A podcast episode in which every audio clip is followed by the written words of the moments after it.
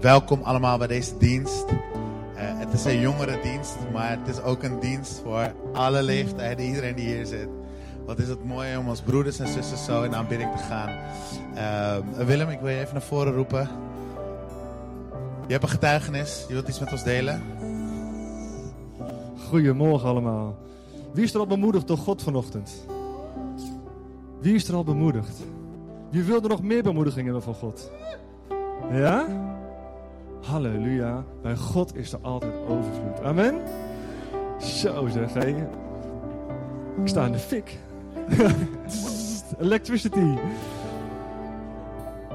We zijn afgelopen week zijn we drie dagen naar de conferentie geweest. En uh, Sari was er ook, en Eduard ook nog even. En uh, die conferentie was erop gericht om je bediening te bekrachtigen. Om je, waar je in werkt, om dat te bekrachtigen. En je te bemoedigen, je aan te vuren. En uh, afgelopen tijd heb ik heel veel geworsteld met God. Echt een understatement, dat worstelen. Ik was echt op zoek naar sleutels voor de gemeente en voor Zutphen. En ik wilde een doorbraak. Dus alles wat daar gebeurde, had ik de mindset van onze gemeente, van onze stad in het, in het oog. En uh, we zijn er zelfs speciaal voor gaan vasten, een paar dagen vast. En uh, ja, ik weet niet eens wat ik allemaal moet zeggen, joh. Weet je, je kan in God geloven en je kan je Bijbel lezen. En je kan allemaal ideeën hebben over God en hoe God zou kunnen werken. En je kan een mooie theologie gebouwd hebben. Maar als je straks voor Jezus staat in de hemel, dan vallen al die theologieën vallen weg. Amen? Het enige wat dan, wat dan telt is, ik ben bij Jezus. Die kracht van God, die is daar. En alle, alle thema's, alle theologische overwegingen en al je blokkades, die vallen weg. Want er is vrijheid bij God. En dat is op aarde soms ook zo. Als je, een, een aanraking krijgt van Gods geest, het enige wat je wil, is gewoon heel dicht bij God zijn. Wie wil er in vrijheid dicht bij God zijn op dit moment? We willen toch allemaal in vrijheid zijn? Nou, lieve mensen, ik heb gisteren vrijheid gezien en eergisteren. Echt, de Heilige Geest ging rond, jongen. Het was een gek huis. Mensen vielen op de grond door Gods kracht. Er was genezing, er was bevrijding. Niet normaal wat ik allemaal gezien heb. Ik ben nog nooit door Gods geest op de grond gegooid. Nog nooit. Afgelopen dagen drie of vier keer. Gods kracht was... Oh, oh, ik voel het gewoon zo. Gods kracht was zo aanwezig. Ik kon gewoon niet op mijn grote sterke benen blijven staan. Ik viel gewoon op de grond. Niet één keer, niet twee keer, wel drie of vier keer, weet je wel. Ik bleef gewoon gaan. En op een gegeven moment was er een oproep van... Uh, wie heeft een genezing nodig? Allemaal genezingsdingen. En uh, toen zeiden ze van... Wie, wie heeft er een genezing voor zijn schouder nodig? Ik was vergeten dat ik al een jaar lang met mijn schouder loop. Is Marilene hier? Marilene? Bij de kinderen? Nou, Marlene is uh, fysiotherapeut. Ik ben bij haar uh, uh, een tijd onder behandeling geweest. Als bewijs dat ik echt een schouderprobleem heb, zeg maar. En ik had afgelopen week net weer een nieuwe afspraak gemaakt bij de fysio. En Janneke zei van, hé hey, zus, je hebt last van je schouder. Ik zei, oh ja, was ik vergeten. En ik, ik, ben heel beperkt. Ik kon niet eens naast Janneke zitten. En ik kon niet eens mijn hand op haar, op haar stoel leggen. Dat was te hoog voor mij. Dus wat ik nu doe, dat is al dat, dat, was toch niet zo? Dus ik naar voren toe en uh, ze gingen voor me bidden en ik werd gewoon echt bevrijd. Genezen en bevrijd. Dat is verschil, hè? Maar beide. Ik zeg maar, uh, ik heb ook nog een beetje last van mijn rug. Dus uh, hij ook van mijn rug bidden en ik werd genezen en bevrijd. Is serieus, kwam van alles kwam er omhoog en nou, ik zou de details besparen, maar genezing en bevrijding. En ja, halleluja, ja. Ja. Maar, um, en uh, we zijn gisteren wat laat naar huis gaan. Eergisteren waren we om half één thuis. En vannacht waren we gevast. En we zeiden van, weet je wat we gaan doen? We gaan het vasten, gaan we, het einde van het vasten gaan we vieren bij de Swarma tent.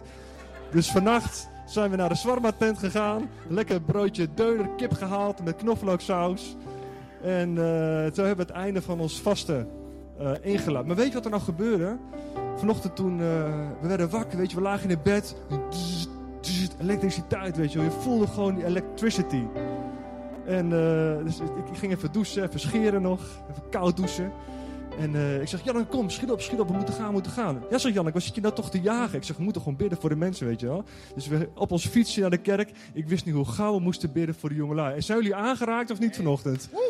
Amen. We hebben allemaal voor ze gebeden. Weet je wat het, weet je wat het is? Als God iets geeft, dan geeft hij dat niet voor jezelf. Dus nou, weet je Willem, nou mag jij er lekker in gaan. In gaan bewegen, van genieten. Nee, God geeft het, ook voor jou. Maar om door te geven.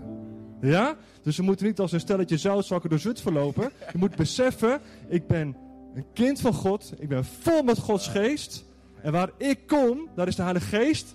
En dan bam, we hadden woorden van kennis hier vanochtend. We hadden bevrijdingen, aanrakingen. En alleen maar omdat een paar mensen gevuld zijn door Gods geest. Het is een kwestie van uitstappen. Dat wil ik jullie meegeven. Dus straks gaan we ook dopen. En straks gaan we ook bidden voor de mensen. Dus als je meer wil van God, moet je dorst hebben en komen. En dat gaan we straks bidden. Dankjewel, Willem. Woehoe. Amazing. Ja, inderdaad. Vanochtend werden we keihard aangeraakt, hè, Oei, Isaac? Zo, zeg dat wel. Hey, we doen iets anders dan anders. Er staat niet één iemand hier te spreken vandaag, maar er staan er maar liefst twee. Dus verwacht ook het dubbele vandaag. Ja? Het is net als wat Elisa zegt tegen Elia. Exact. Ik wil een dubbele portie van die anointing. En hij kreeg het wel. Amen. Eh, ik ben Ruchiel en dit is Isaac. En eh, samen gaan we weg. En samen mogen we eh, uitdelen. Uitdelen van wie God is. En eh, om te beginnen wil ik eigenlijk een klein verhaaltje delen in de Bijbel. We kennen het allemaal wel. De, de, het verhaal van de verloren schaap. De schaap die verloren is. En het liedje Reckless Love. He leaves the 99 to follow that one. En vaak denken we, ja, dat zijn mensen uit de wereld. Dat zijn mensen die zwaar verslaafd zijn, ergens in de duisternis zit, in een hoekje. En daar gaat Jezus achteraan. Maar dat is niet wat wordt bedoeld met die tekst. Jezus bedoelt hier dat hij achter zijn discipelen aangaat om te voorkomen dat wij niet een Judas Iscariot worden. Dat we hem niet gaan verraden en daarom komt Jezus achter ons aan. De context van dat woord, dat is zo krachtig dat jij en ik als christenen, dat Jezus altijd achter ons aangaat om te voorkomen. Te voorkomen dat we hem verraden. He leaves the 99. En ja, als je op slot zit, als je je verschuilt voor je emoties of als je het opkropt, dan komt Jezus achter jou aan. Tegen te zeggen, hé, hey, ik heb wat voor je. En vandaag heeft God ook wat voor jou. God is hier, mensen. God is echt hier. En dat betekent dat vrijheid hier is. Dat betekent dat je genezing, die doorbraak, datgene waar je op hebt zitten wachten, dat is hier. De Bijbel zegt dat, dat, dat God hetgene is wat je nodig hebt. God heeft alles wat je nodig hebt en hij gaat zichzelf geven vandaag. Ik ga nu uit het woord lezen. ehm, en dit is geen aanmoediging om voor de rest niet meer te luisteren vandaag. Maar het allerbelangrijkste, dat ga ik nu zeggen. Dat is niet iets wat wij hebben voorbereid, niet iets wat wij hebben besproken. Of, dat, dat is niet iets wat wij hebben gemaakt. Dit is, dit is het woord van God zelf. Dus luister goed naar alles. Maar het allerbelangrijkste dat je vandaag gaat horen, dat ga ik nu alvast voor je voorlezen. Komt-ie. Psalm 91. Als je het kan, pak hem er even bij.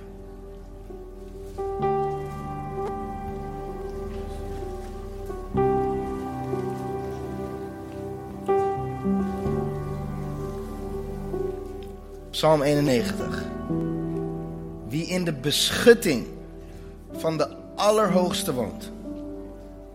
En overnacht in de schaduw van de ontzagwekkende.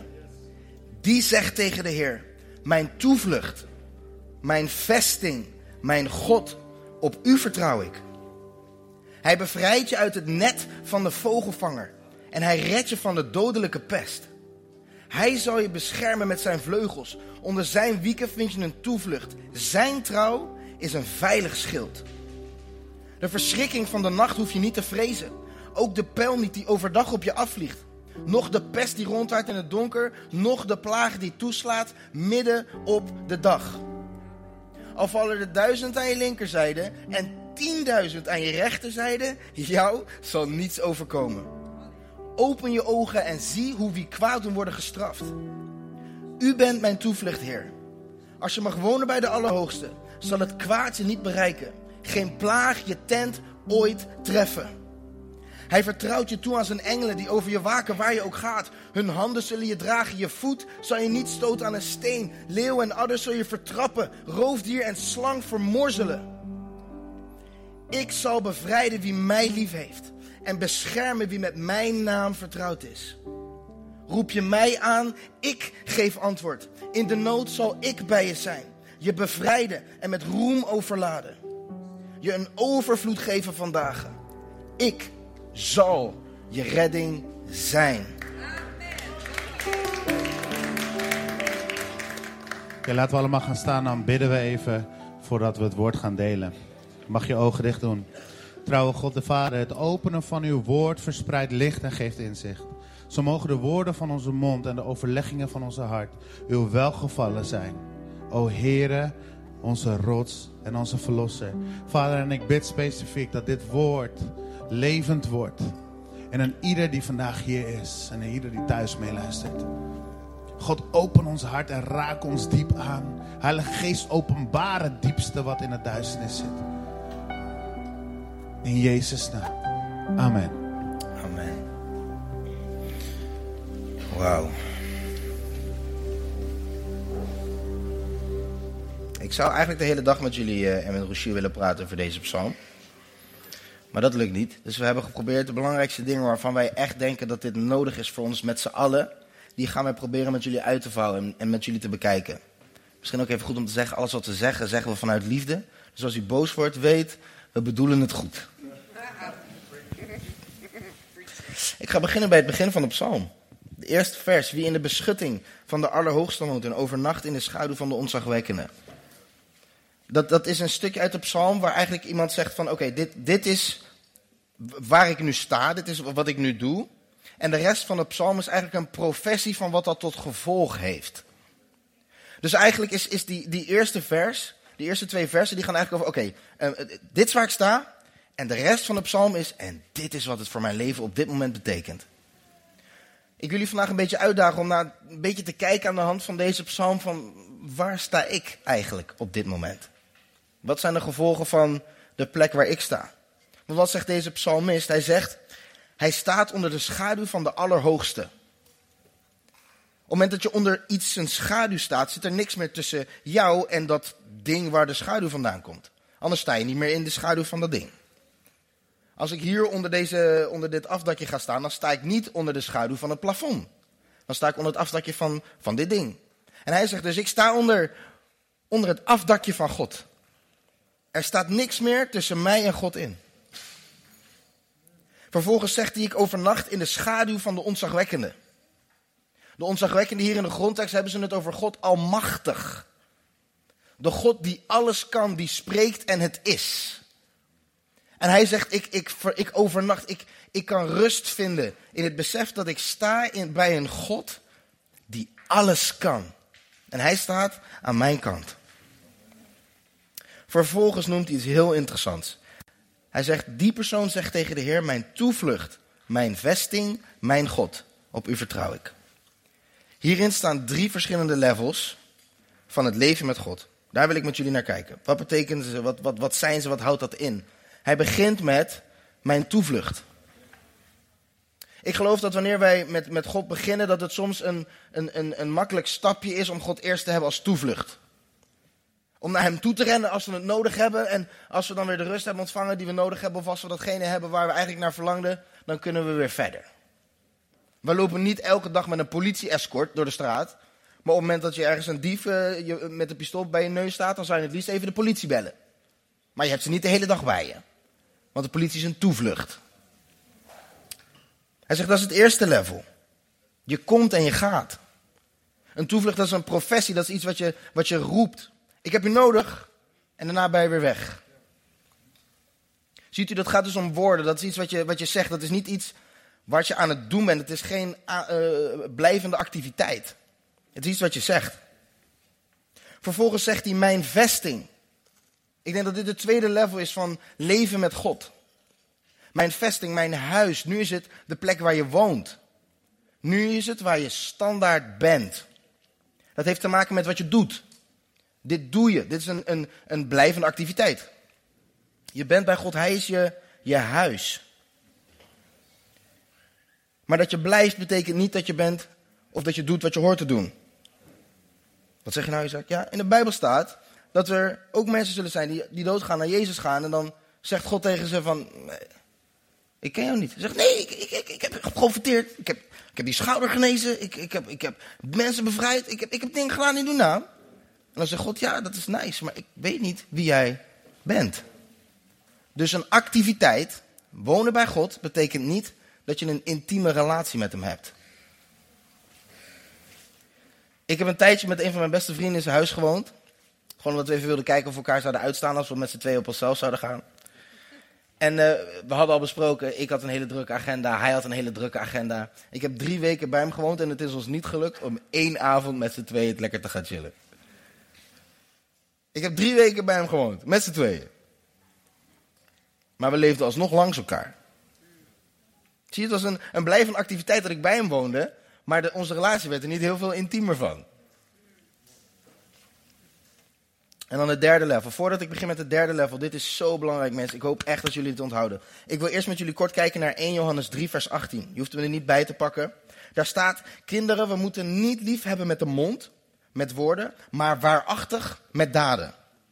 Hier in het Nederlands ziet het er een beetje gek uit. Er staat waarachtig met daden. Maar dat zijn, wel, dat zijn zeker twee verschillende dingen. In het Engels staat er in spirit and truth. Ik heb, net, ik heb het net gehad over een professie, iets wat je zegt en iets wat je doet. Dat zijn twee verschillende vormen van communiceren. En God laat hier in dit vers zien wat zijn belangrijkste vorm van communicatie eigenlijk is. Wie heeft wel eens gehoord, God ziet je hart? Nice. Ik dacht altijd, ik snapte wat het betekende, maar toen ik, toen ik dit begreep, toen werd dat iets heel nieuws voor mij. Want God ziet ook wat je doet. Dat is heel duidelijk. Wat betekent dat om dingen waarachtig te doen, om dingen te doen in waarheid? Ik wil met jullie kort kijken naar de, het woord wat er daar wordt gebruikt in de grondtekst.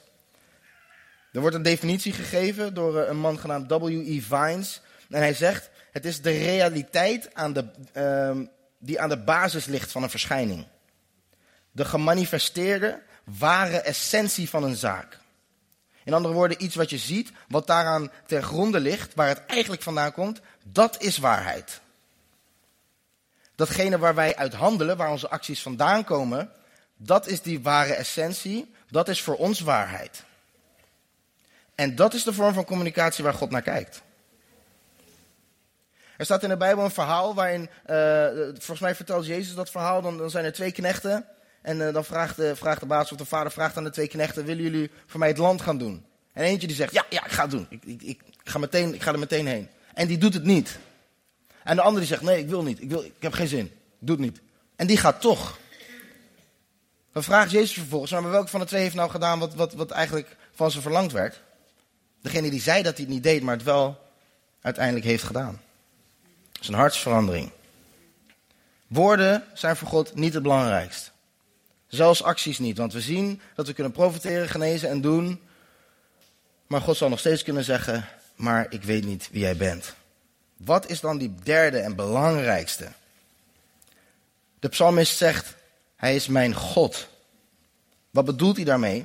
Daarmee bedoelt hij dat God, de waarheid van God, de essentie is van je hart.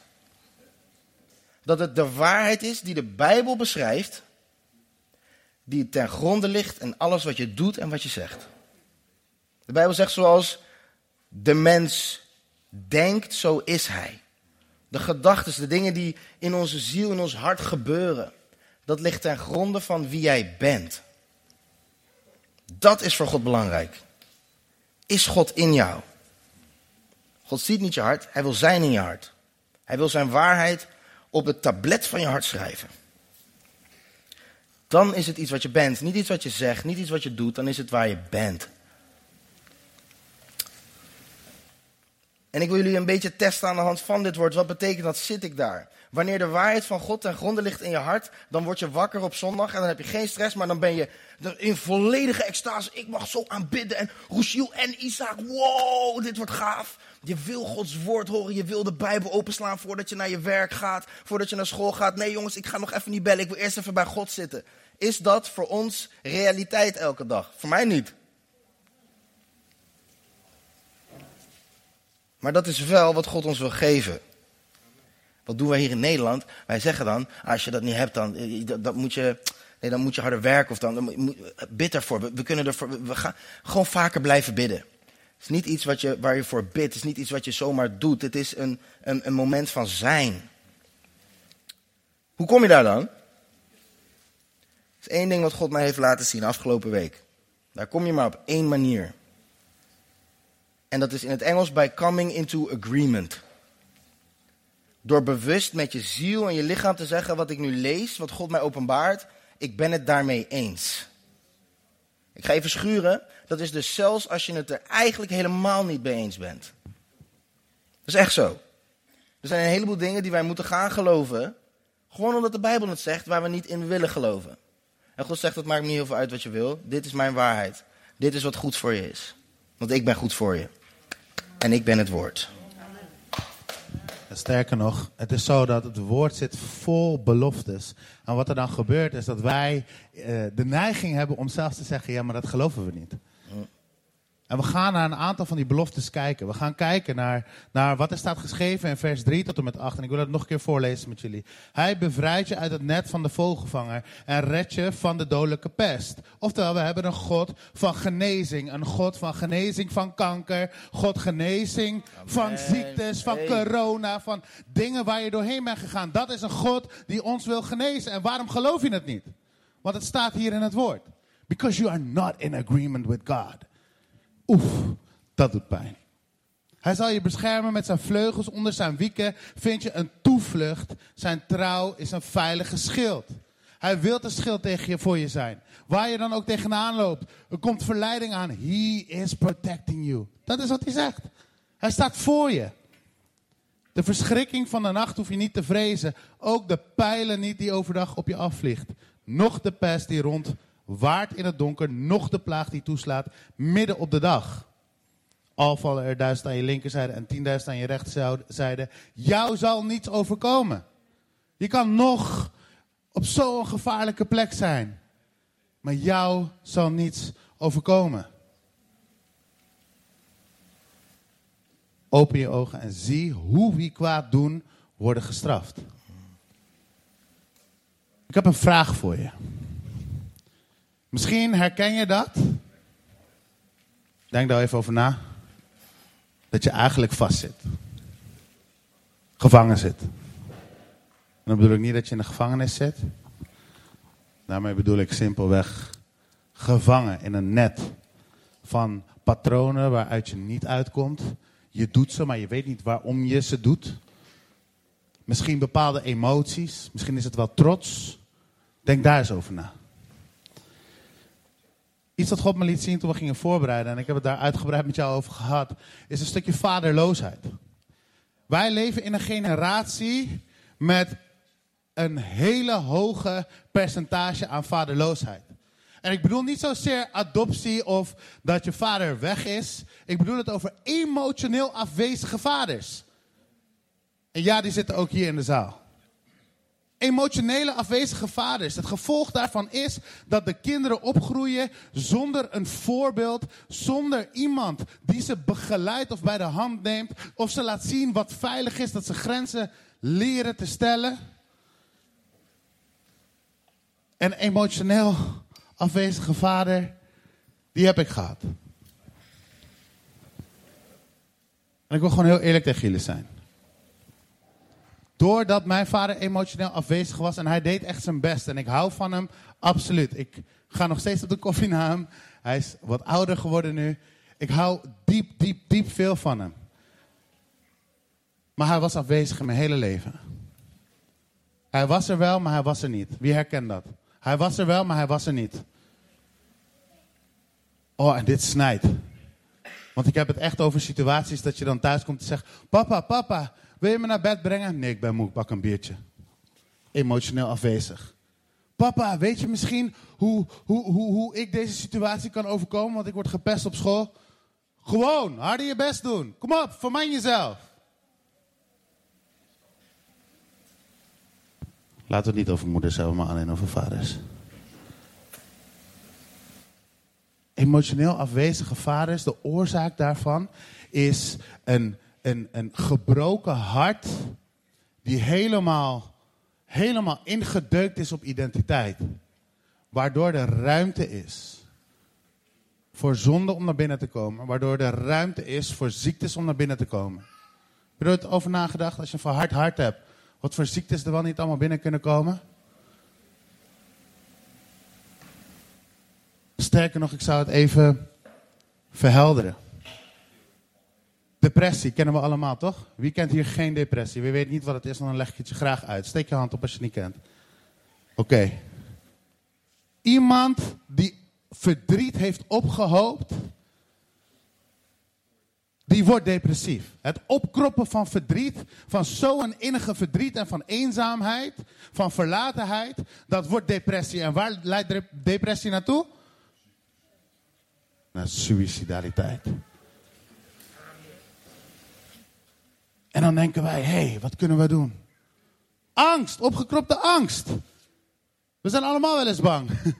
Maar opgekropte angst, dat leidt tot paniekaanvallen. Dat je lichaam op een gegeven moment alleen maar aan het hyperventileren is en dat je niet meer weet wat je moet doen. Dat je begint te zweten, dat je dichtslaat, dat je niet meer je bed uit kan komen. Dat zijn paniekaanvallen. Ja, en dan kan je wel zeggen, hé, hey, we gaan nu voor bevrijding bidden. Maar wat God wil doen is in relatie naast je komen te staan en je herstellen. Zodat al die, die, die, die nou, Willem zei het vanochtend, was zo mooi van me aan het bidden. Zodat die geesten die om die traumawonden zitten, dat ze loskomen. Maar daarvoor is heel veel liefde nodig. Opgekropte boosheid. Zijn woede aanvallen. En zo kunnen we doorgaan en doorgaan en doorgaan. Allemaal het resultaat van vaderloosheid. Allemaal het resultaat van vaderloosheid. En God wil een relatie met je staan.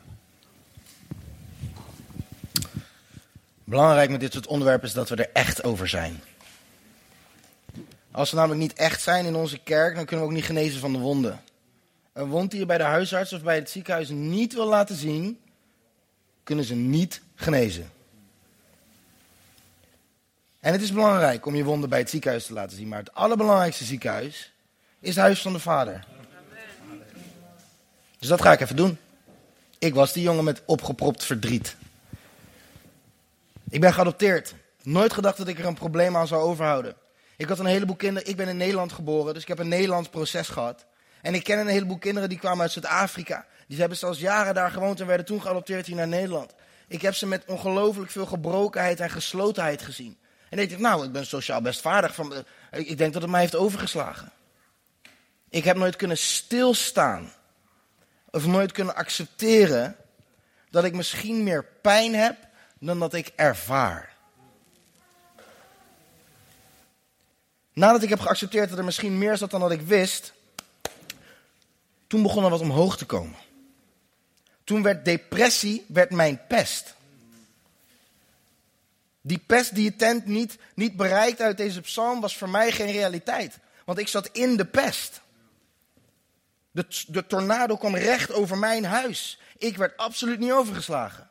En dan had ik een opgepropte pijn en toen gebeurde er om me heen nog weer van alles en nog wat. Het was niet fijn voor mij. Ik voelde me helemaal alleen verlaten. Ik kon zijn met honderd vrienden tegelijkertijd, maar ik voelde me in de steek gelaten. Ik voelde me niet vervuld. En begrijp me niet verkeerd. Dit was niet mijn periode voordat ik Christus leerde kennen. Dit bloedt door in het christen zijn. Laat alsjeblieft het feit dat je christen bent en naar de kerk gaat geen deksel zijn op het potje. Als christen ben je gebroken. Gebed verhelpt niet alles in één keer. Als christen zijn wij niet anders gebroken dan de wereld. Wij zijn gewoon degene die zeggen: ja, we zijn gebroken, dus ik heb de dokter nodig.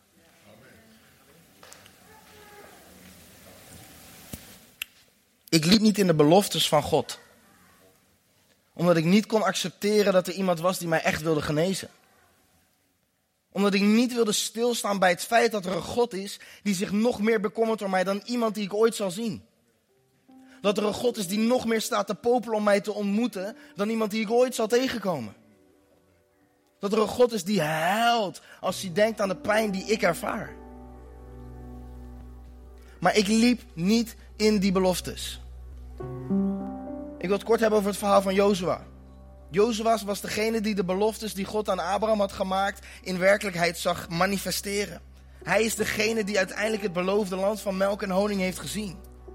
Wie, wil, wie zou er in zijn eigen leven het land van melk en honing willen zien? Wie wilde de beloftes kunnen uitleven die de Bijbel ons doet?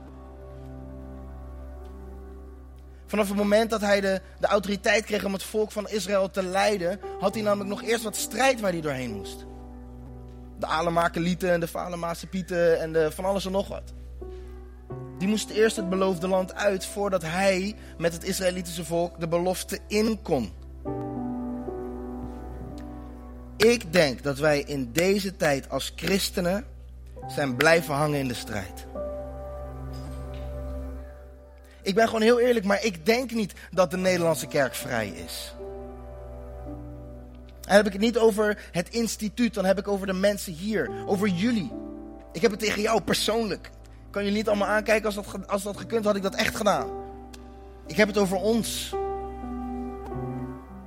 We hebben die dokter nodig. En de beloftes zijn echt. Ik ben nu waarlijk vrij. Die depressie, die, die rusteloze momenten, mijn verslavingen. Ik ben volledig vrij. Volledig vrij. En begrijp me, niet verkeerd. Dat betekent niet dat ik nu eh, nog één keer in de zoveel weken terugval. En dan maar, maar voor de rest is het goed nu. Ik ben volledig vrij. Mijn pijn zit er zeker weten nog, maar ik ben aan het genezen. En het bepaalt niet meer mijn leven. Het stuurt me niet meer. Ik zit in die tent waar die pest mij niet meer kan bereiken. Op dit moment zit ik in een heftigere situatie dan dat ik eerst heb gezeten toen ik depressief was. De meeste van jullie weten in mijn situatie met mijn broertje thuis, die is suicidaal. En de situatie wordt alleen nog maar erger. Er is zoveel onrust in het huis. Maar ik heb vrede. Ik weet niet waar ik over twee, twee maanden werk. Ik weet niet waar ik woon. Ik ben nu werkloos. Ik heb geen idee. Maar ik heb vrede omdat ik weet dat er een vader is die dus meer om mij bekommert dan iemand ooit zal doen. We hebben die dokter nodig. En ik denk dat wanneer we echt zeggen, ik heb u nodig, kom, dan wandelen we in de beloftes. Welke beloftes zijn dat? Ik zal bevrijden wie mij lief heeft en beschermen wie mijn, uh, wij, naar mijn naam vertrouwd is. Wie mij aanroept, geef ik antwoord. In een nood zal ik bij hem zijn. Ik zal hem bevrijden en met roem overladen. Hem overvloed van dagen geven. Ik zal zijn redding zijn. Dat is één belofte, maar hij vraagt één actie. Om hem aan te roepen. Als wij God niet aanroepen, als wij midden in een situatie zitten en we roepen hem niet aan, dan kan hij ook niet komen. Want je roept hem niet. Heel simpel. Niemand heeft gehoord wat ik net heb gezegd. Of wel? Wie dat heeft gehoord, je hebt echt super oren. Ik zei net, Willem wil je komen, maar Willem komt niet. Waarom komt Willem niet? Omdat hij me niet hoort. Zo simpel is het. Wij Nederlanders hebben, hebben, hebben een bepaald soort gewoonte in de kerk ontwikkeld. En dat is namelijk dat we wel wettisch willen zijn. Want we moeten zo goed mogelijk volgens een schema. Maar we leven niet naar de vervulling die Jezus deed. Want Jezus kwam om de wet te vervullen en niet om af te breken. Dus, we leven wel in wetten. Maar op het moment dat iemand hier vooraan zegt: Jezus! Dan zeggen we: Oh ja, ja, die is een beetje gek. Ja, laten wij gewoon normaal doen. Nee, maar dat is wat God bedoelt.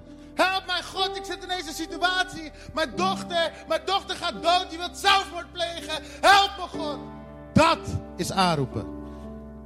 Oh man, en dan staat er, hij zal je bevrijden. God, ik zit vast in deze verslaving. Help me, help me, laat me los. Laat deze verslaving van me afglijden. En he will do it. Sterker nog, hij haalt die verslaving uit jou. En hij vult je met zo'n overvloed van vrijheid. Want waar de geest van God is, daar is waarlijk vrijheid. Hij wil dat je in vrijheid leeft en al jouw religiositeit achter je laat. Je kan niet voor geld leven en God dienen. Je kan niet met één voet in de wereld staan en met de andere bij Jezus. En ja, het is een proces. En daar heb je mensen voor nodig. En daar heb je de kerk voor nodig. Wij broeders en zusters, het was zo'n mooi moment vanochtend. Dat de, de, de pastors, ik wil jullie eren daarvoor dat jullie en ieder van ons die vandaag ging dienen, langs ging om te bedienen. Als ik kijk naar de tijd van Jezus, de tijd van, van, van de handelingen, dat, dat Petrus de pastor was van de gemeenschap, daar had niemand iets. Niemand had iets, maar ze hadden alles. Niemand had geld, maar ze hadden het geld. Niemand had een woning, maar ze hadden een dak boven hun hoofd. Niemand had eten, maar iedereen werd verzadigd. Hoe dat kwam is omdat ze allemaal samenleefden. En oh, ja, ik hou van deze psalm. ik zal bevrijden wie mij lief heeft.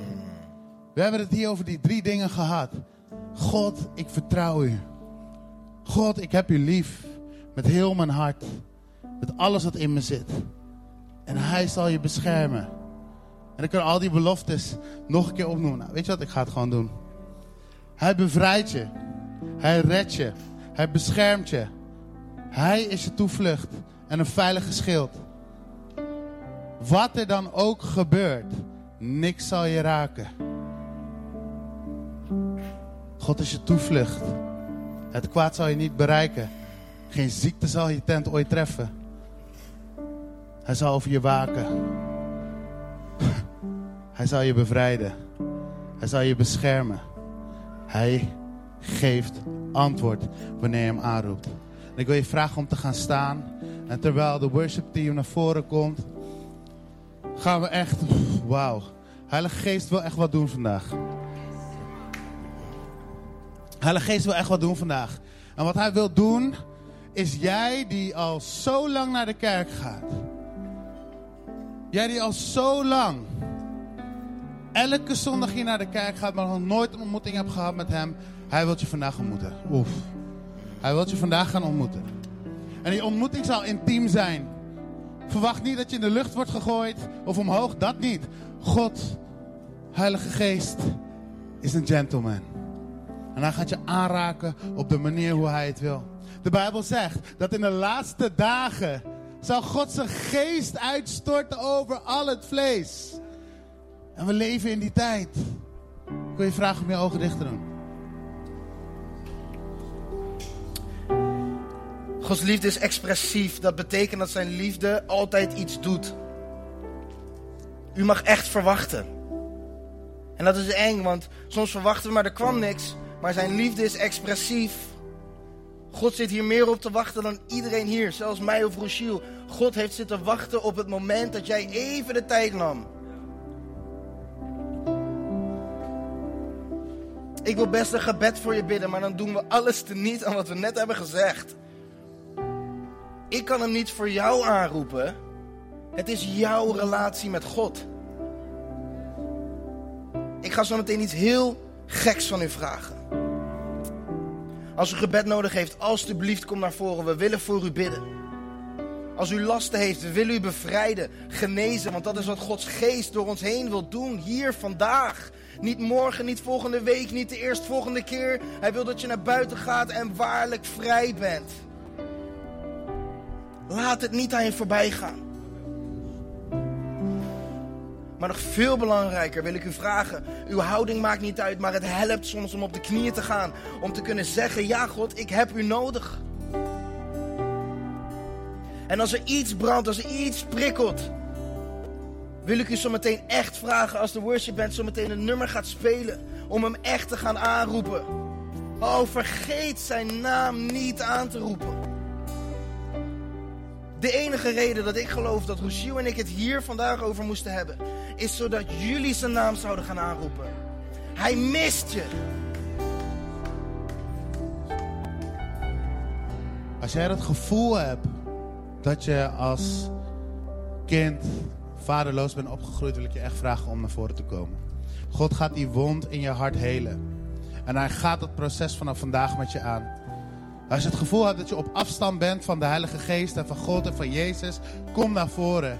Want hij gaat je aanraken. Als je last hebt van demonen of bang bent in het donker of angst hebt op straat, kom naar voren. Want God gaat je vrijmaken. Als je elke keer het gevoel hebt van hey, dingen lukken me niet. Of ik kan niemand bereiken met de liefde van God. Of je zit vast, je voelt je net als in die net van die vogelverschrikker. Kom naar voren. Hij gaat je losmaken. Jezus zegt iets voordat hij zijn bediening begint. En hij zegt In Lucas 4 zegt hij: De geest van de Heere, Heere is op mij. Ik ben gekomen om de gebrokenen van hart te helen. Om hen die vastzitten, om daar vrijspraak over uit te roepen. En zij die in de gevangenis zitten, om de deuren te openen. Dat is wat de Heilige Geest doet. Heb je pijn? Ben je verdrietig? Ben je boos? Kom naar voren. Zeker als je hart klopt nu op dit moment en je denkt, "Haha, eigenlijk wil ik niet, want ik schaam me. Kom naar voren. Is geen plek om je te schamen. We zijn broeders en zusters. We have been there. Vanochtend heb ik ook keihard gehuild bij Willem. Keihard. en bij Janneke. Kom naar voren. God wilt je aanraken. God wilt je genezen. Oh, halleluja. Iedereen die zometeen naar voren komt en nu naar voren staat, ik wil je feliciteren. Dit is misschien wel een van de meest belangrijke stappen die je dit seizoen van een groot stuk van je leven zal hebben gemaakt. Laten we God uitnodigen in onze wonden.